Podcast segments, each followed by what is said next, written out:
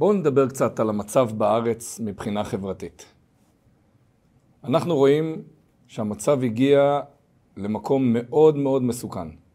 הדיבורים הם מסוכנים, ההפגנות מסוכנות, ההפגנות כבר הפכו להיות אלימות מזמן, הדיבורים הם דיבורים על הקצה. כשמפגישים שני צדדים של המפה הפוליטית, יש מפץ אדיר. יש דיבורים על זה שאנחנו כבר לא אחים, אין לנו מחנה משותף.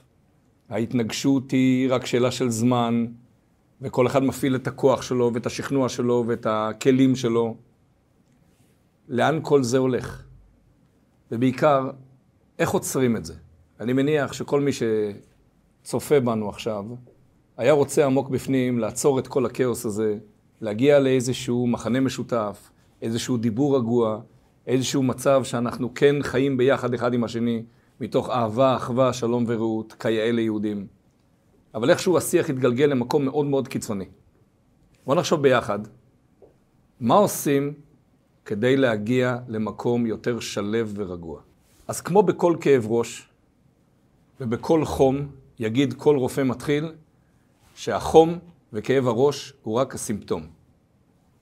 ולמעשה הם מייצגים דבר הרבה יותר עמוק. ואם זה חוזר על עצמו, בטח אם זה חוזר על עצמו ברצף, פעם, פעמיים, שלוש, לא מספיק לקחת אקמול ולהרגיע את המצב, אלא צריך לעשות כאן איזו בדיקת עומק יסודית, שתראה לנו מה המניע מאחורי החום, מאחורי כאב הראש. אז ההפגנות, הדיבורים, האלימות, הם סימפטום למשהו הרבה יותר עמוק. ואנחנו צריכים לחקור ולדרוש ולחפש, ובסבלנות להגיע לשורש הבעיה, לנסות לגוע בשורש הבעיה, וגם לטפל בבעיה. ואז באופן אוטומטי דיבורים כאלה לא יהיו, אלימות כזאת לא תהיה, ואנחנו נגיע למקום הרבה יותר שלב ובטוח. איפה הבעיה מתחילה? מה ההגדרה של עם? מה ההגדרה של קבוצה?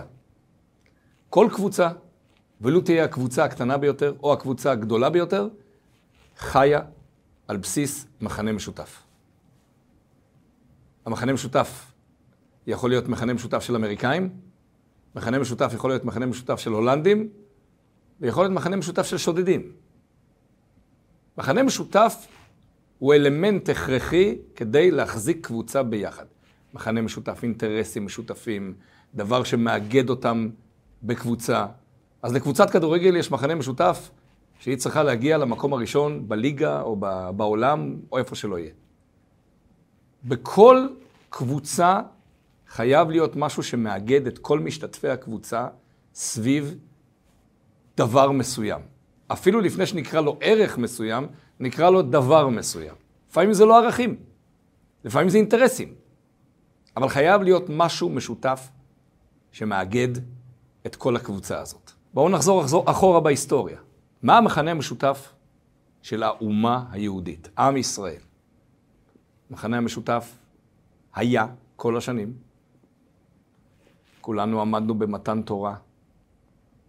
כולנו, נשמותינו, יצאו ממצרים.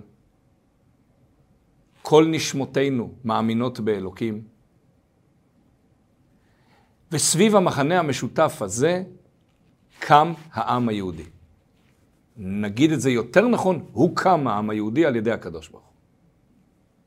ובעצם ביציאת מצרים התגבשה, נקרא לזה, הזהות של העם כקבוצה, ובמתן תורה התגבשה הזהות היהודית של אותה קבוצה. ואם ניקח שלושת אלפים ושלוש מאות ומשהו שנה ממתן תורה ועד לפני מאה, מאתיים שנה, אנחנו תמיד נחזור למחנה משותף של נשמות. תמיד היו אינטרסים שונים בתוך כל עיירה בפולין, או בעיראק, או בתימן. אבל בסוף כולם ידעו להתאגד סביב האינטרסים של הנשמות, קרי, תורה, מצוות, קשר עם אלוקים. וסביב זה חיו חיי קהילה טובים, טובים יותר, טובים פחות, אבל חיו כקבוצה. והשתדלו לשמור אחד על השני מפני כל האנטישמיות שתמיד הייתה, כל הפגעים הרעים שהיו מסביב, הן בגשמיות והן ברוחניות. מה קרה במאה, 200 שנה האחרונות?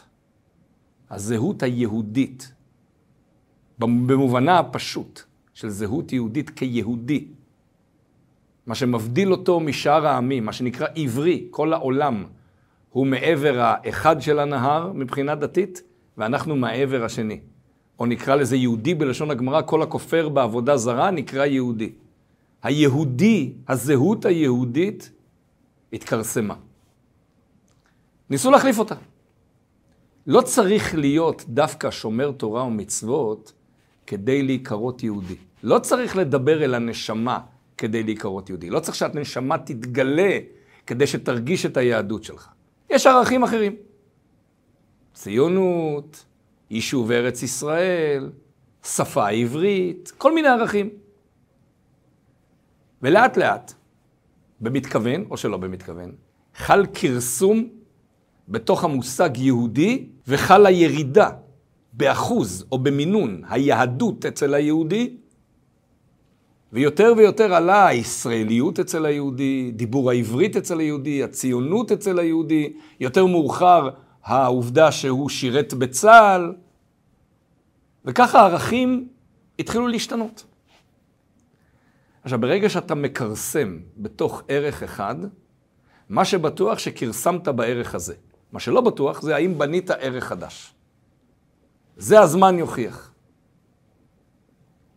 אז בינתיים חל כרסום בערך קודם של יהדות, כלומר, אנשים פחות ופחות, אנחנו מדברים פה בכלל האוכלוסייה, תמיד היו אותם שומרי תורה ומצוות שהקפידו על קלה כבחמורה, וזה לא עניין אותם אם הם חיים בפולין, עיראק או תימן, או חיים בתל אביב או בירושלים. אבל אצל חלקים נרחבים מהאוכלוסייה, חל במהלך הדורות כרסום לאט לאט, שהוריד את הצורך במינון של יהדות.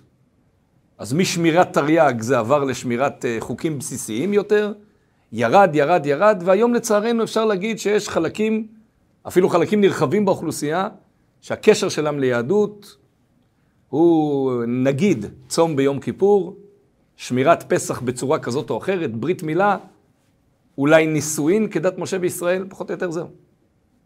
המחמירים יותר זה גם שבת, המחמירים יותר זה גם תפילין, אבל בחלקים נרחבים מהאוכלוסייה לצערנו, לצערנו הגדול. היהדות התכרסמה עד לפעמים למצב שהיא כמעט ולא נראית, שוב, מעל פני השטח.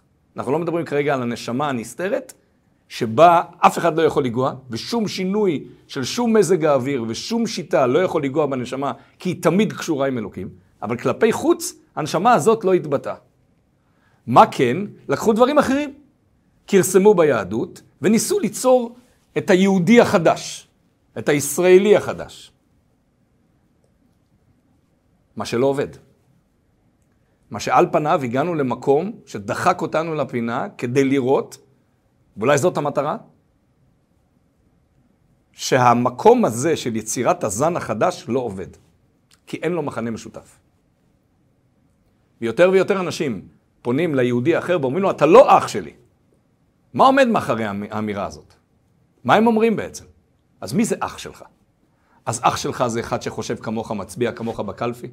אחד שנראה כמוך, מתלבש כמוך, מדבר כמוך, חי באזור הנוחות איפה שאתה חי? רק זה אח שלך? אז אתה בעצם אומר שחלקים נרחבים מתוך עם ישראל הם לא אחים שלך, כי אין להם, אין לך שום מחנה משותף איתם. אז הם במקום אחד, ואתה במקום אחר. אין קשר בין היהודי בבני ברק ליהודי בצפון תל אביב. אין קשר בין היהודי במאה שערים ליהודי בקיבוצים. אז אין קשר. אם אין קשר והם נאלצים לחיות באותה פיסת אדמה, סביר להניח שיקרה ביניהם פיצוץ, שיקרה ביניהם מתח. כי הם לא חושבים אותו דבר, אין להם שום מחנה משותף, הם לא מוכנים לוותר אחד לשני בגלל שהם לא שייכים בכלל לאותה קבוצה. זה שאנחנו חיים באותה פיסת אדמה, גם ערבים חיים על אותה פיסת אדמה. ואף אחד לא חושב שצריך להיות מחנה משותף עם ערבים. וחלק גדול מהם הם שונאי ישראל שרוצים בהכחדתנו. אז אנחנו לא מתיימרים בכלל לפתח מחנה משותף. למרות שלפעמים אנחנו חיים במרחק של 100-200 מטר מהם. אז מה? ועדיין, אנחנו שונאים אחד את השני. עשו שונא ליעקב. אבל פה מה קרה? שהשם ישמור, המושג עשו שונא ליעקב, חל על בני יעקב, על היהודים עצמם. כי עקרו את המחנה המשותף הקודם, חלק מזה היה בכוונה, חלק מזה סתם, הידרדרות של הדורות. עקרו אותו ולא בנו מחנה משותף חדש, כי אי אפשר לבנות מחנה משותף חדש. מה הקשר באמת בין אדם שחי במשך מאות שנים בארצות ערב, לבין אדם שחי במשך מאות שנים בארצות אשכנז? מה הקשר בין יהודי מתימן ליהודי מגרמניה? הם לא אוכלים אותו דבר, הם לא מתלבשים אותו דבר, הם לא מדברים אותו דבר, הם לא חושבים אותו דבר. תרבות המנהגים שלהם לא שווה. המחנה המשותף היחיד שיכול להיות ביניהם זה קשר עם אלוקים. תורה ומצוות. במובן היותר כולל. נגיד שאחד מחמיר יותר, אחד מחמיר פחות, אחד שמר על הכל, אחד שמר רק על חלק, אבל יש איזושהי התאספות סביב קשר עם אלוקים. אז סביב קשר עם אלוקים אתה אח שלי. כי אנחנו מגיעים מאותו מקום, כי הנשמות שלנו הם אחיות תאומות. זה שהגופים שלנו התפצלו, ואחד הלך לקצה העולם בצד הזה, והשני הלך לקצה העולם בצד השני, לא אומר שאנחנו לא אחים. כי השתייכות, האחווה בינינו היא השתייכות נשמתית. אבל ברגע שאתה עוקר את ההשתייכות הזאת, ואתה מנסה ליצור השתייכות סביב גופים, הגופים מתמרדים. בסוף הם אומרים, אתה לא אח שלי. כי אם אתה לא מצביע כמוני, ולא נראה כמוני, ולא מדבר כמוני, ולא חושב כמוני, אתה לא אח שלי. והדרך מכאן לאלימות, בין אם היא מילולית, בין אם היא פיזית, היא קלה מאוד, כי למה שלא יהיה אלימות? אם האינטרסים הם כל כך מנוגדים, למה שלא תהיה אלימות? עכשיו, יש מקומות שהיינו שמחים לקיצורי דרך ולעשות איזה הוקוס פוקוס, וללחוץ על כפתור ולהחזיר את האחדות שהייתה בינינו. ולצערנו, אויבינו, כשהם מכריזים מלחמה עלינו, פתאום פורצת פה אחדות לא נורמלית. מה קרה? כי האויבים מזכירים לנו כמה אנחנו באמת אחים. מה הם בעצם מזכירים לנו? שיש בינינו אחווה של נשמות. והאויבים רוצים להשמיד את צפון תל אביב כמו שהם רוצים להשמיד את דימונה ואת ירוחם באותה מידה. זה לא מעניין אותם. כי הם מבחינתם כולם יהודים. הניאוננסים שאנחנו מצאנו כחילוק בינינו, לא מעניינים את האויבים שלנו. את אף ערבי מסביב זה לא מעניין. אז במקום שאלמנט חיצוני כמו מלחמה יכפה עלינו להכיר באחדות שלנו, אנחנו צריכים ליצור את המצב הזה לבד, בלי מלחמה. השם ישמור בלי מלחמה. כי כל מלחמה לוקחת בחשבון כמות מסוימת של הרוגים, וזה אנחנו לא רוצים בשום צורה. השם ירחם. מה כן? היות והאיש מולנו בהפגנה, הוא אח שלנו, כי אנחנו מאמינים. ואני מאמין שמי ששומע את ההרצאה חי בתחושה הזאת. שיש לו נשמה, והוא כן אח שלי. הוא יכול להמשיך להגיד דברים כנגדי ולהגיד שאני לא אח שלו, אבל הוא לא יכול לשנות את האמת שיש לו נשמה אלוקית, ולי יש נשמה אלוקית, ולכל היהודים סביבנו יש נשמה אלוקית, ובמילא אנחנו אחים. מה יגרום לו גם לחשוב כך? וממילא הדיבורים שלו ישתנו והאלימות שלו תשתנה. מה יגרום לו לחשוב ככה? אם אנחנו נעורר את הנשמה הזאת. הנשמה הזאת נמצאת במקום מאוד מאוד רדום, מאוד נסתר, מאוד מכוסה בשכבות של גוף ומטריאליסטיות ושכבות אדירות של כסף וכבוד ועמדה ושיטה. את כל הדברים האלה צריך לקלף. את כל הדברים האלה צריך להתעלם מהם. ולגוע עמוק בפנים, בדיבור, בנשמה. אנחנו נמצאים בחודש אלול, חודש הכנה לראש השנה. ואנחנו נמצאים בפרשת השבוע, אתם ניצבים היום כולכם לפני השם אלוקיכם. והפסוק אומר, ראשיכם, שבטיכם, זקניכם, שוטריכם, טפכם, נשיכם, כל איש ישראל. מי חוטב עציך עד שואב ממך. כולם עומדים לעבור ברית אצל הקדוש ברוך הוא מחדש. כל שנה מחדש. לכן פרשת ניצבים נקראת לעולם לפני ראש השנה. איך כולם מתאגדים ביחד לעוברך בברית? צריך לחדש את הברית הזאת. והברית הזאת נמצאת רק אם נצליח לקשור את הנשמות שלנו אחת לשנייה. אם נשכיל לדבר אל הנשמה של מי שעומד מולנו, נצליח לקשור איתו קשר מחודש. אם נמשיך לדבר אל הגוף, אנחנו רק מתרחקים אחד מהשני. זה כמו סוג של uh, מחלף. שברגע שאתה פונה ימינה טיפ-טיפה, ברגע שאתה ממשיך, אתה רק מתרחק מהכביש הראשי. אנחנו צריכים למצוא את המקום הפנימי הזה, שנקרא נשמה, ולדבר אליו. אז יגידו, אז למה שהצד השני לא יעשה את התהליך? יש, לצערנו, יהודים שלא מדברים בשפה הזאת. השפה הזאת כבר לא מדברת אליהם. לא שהם לא באמת במקום פנימי, יש להם נשמה. יש, הם לא יכולים להתכחש לזה. אי אפשר להוציא את הנשמה הזאת, היא לא ניתנת לקילוף, היא לא ניתנת להסרה. יהודי שנולד יהודי או התגייר כהלכה, לא יכול להיות לא יהודי. לא יכול להגיד, אני בפינצטה הוצאתי את הנשמה. לא קיים כזה דבר. אז אם הנשמה הזאת קיימת, אנחנו נמצא את הדרך לדבר אליה. אצל הבעל שם טוב היה פעם סיפור. הוא הגיע למקום שבו היה חולה אנוש. והרופאים המקומיים אמרו שנשאר לו דקות ספורות לחיות. הבעל שם טוב אמר, תנו לי להיכנס, להיות איתו בחדר, אני רוצה לסגור את הדלת שאף אחד לא ייכנס. נכנס איתו, שהה כמה ששהה, יצא החוצה, וכולם ראו שהחולה הזה מתחיל להבריא. ממש, בקצב מסחרר.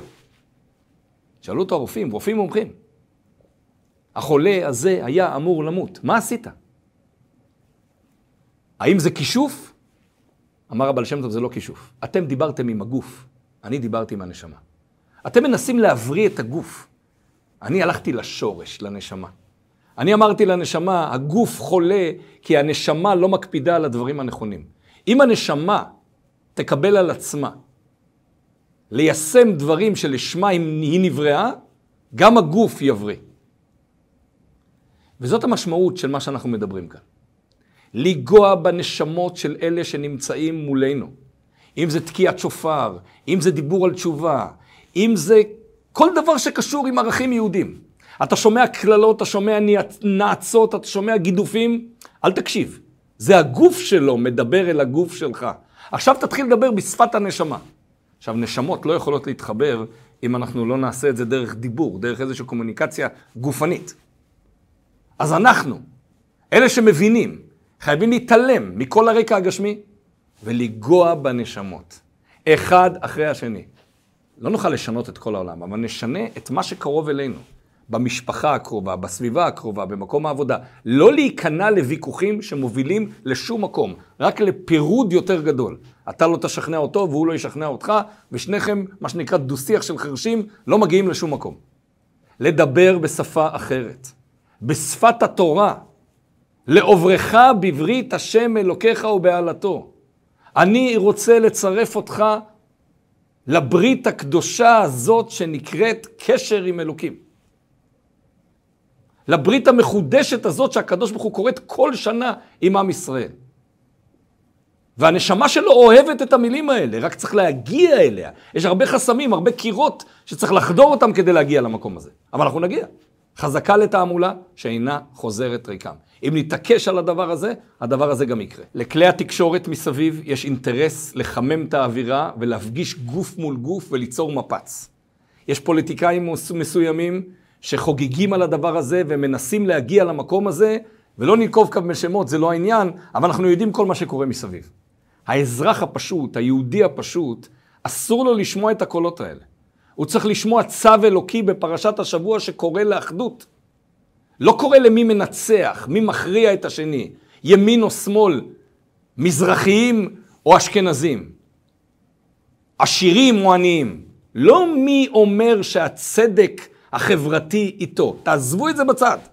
כל הדברים האלה יכולים להיפתר. אם מוצאים מחנה משותף, הכל יהיה בסדר. שיש מחנה משותף פשוט של משפחה, של אחים, של גיסים, של חברות, של קשר, אז גם הניאוננסים האלה מסתדרים איתם. אבל אם אין מחנה משותף, כל במפר מקפיץ את כל המשפחה כלפי מעלה ומרסק אותה. במשפחה הגדולה הזאת שנקראת עם ישראל חייבים למצוא את המחנה המשותף הנשמתי. ולדבוק בו, ב, בסוג של טירוף אפילו, טירוף טוב, להתעלם מכל רעשי הרקע, לדבוק רק במחנה המשותף הזה, ולעבוד ולדבר עליו. ואין שום ספק שכשאתה מדבר ליהודי בשפה נשמתית, לאט, לאט, לאט, אתה גם תיגע בתוך הנשמה שלו.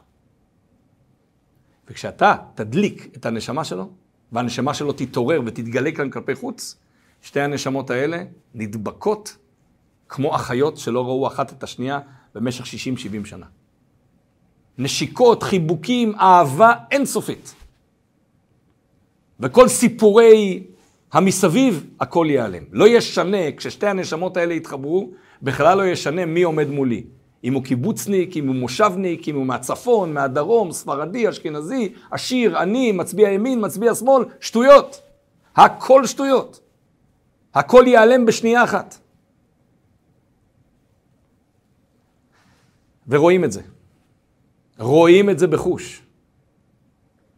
כשיש מנגינות מסוימות שמדברות על נשמה, תקיעת שופר שמדברת אל הנשמה, כשבן אדם מניח תפילין, כשבן אדם רואה איזשהו אירוע שמימי, איזשהו נס, לא יעזור, הנשמה תתעורר, שהרי היא קיימת עמוק בפנים. אז אנחנו לא יכולים לבנות על אירועים חיצוניים, אנחנו כן יכולים לבנות על דיבור, דיבור נשמתי שלנו. אי אפשר להתווכח עם קיר. הבן אדם יצעק עליך, יקלל אותך, אתה לא מגיב, הוא יפסיק בשלב מסוים. כי, כי, כי זה, זה דבר שמלבה את עצמו, אתה צועק בחזרה, אז הוא צועק יותר חזק. לא צועק אליך בחזרה.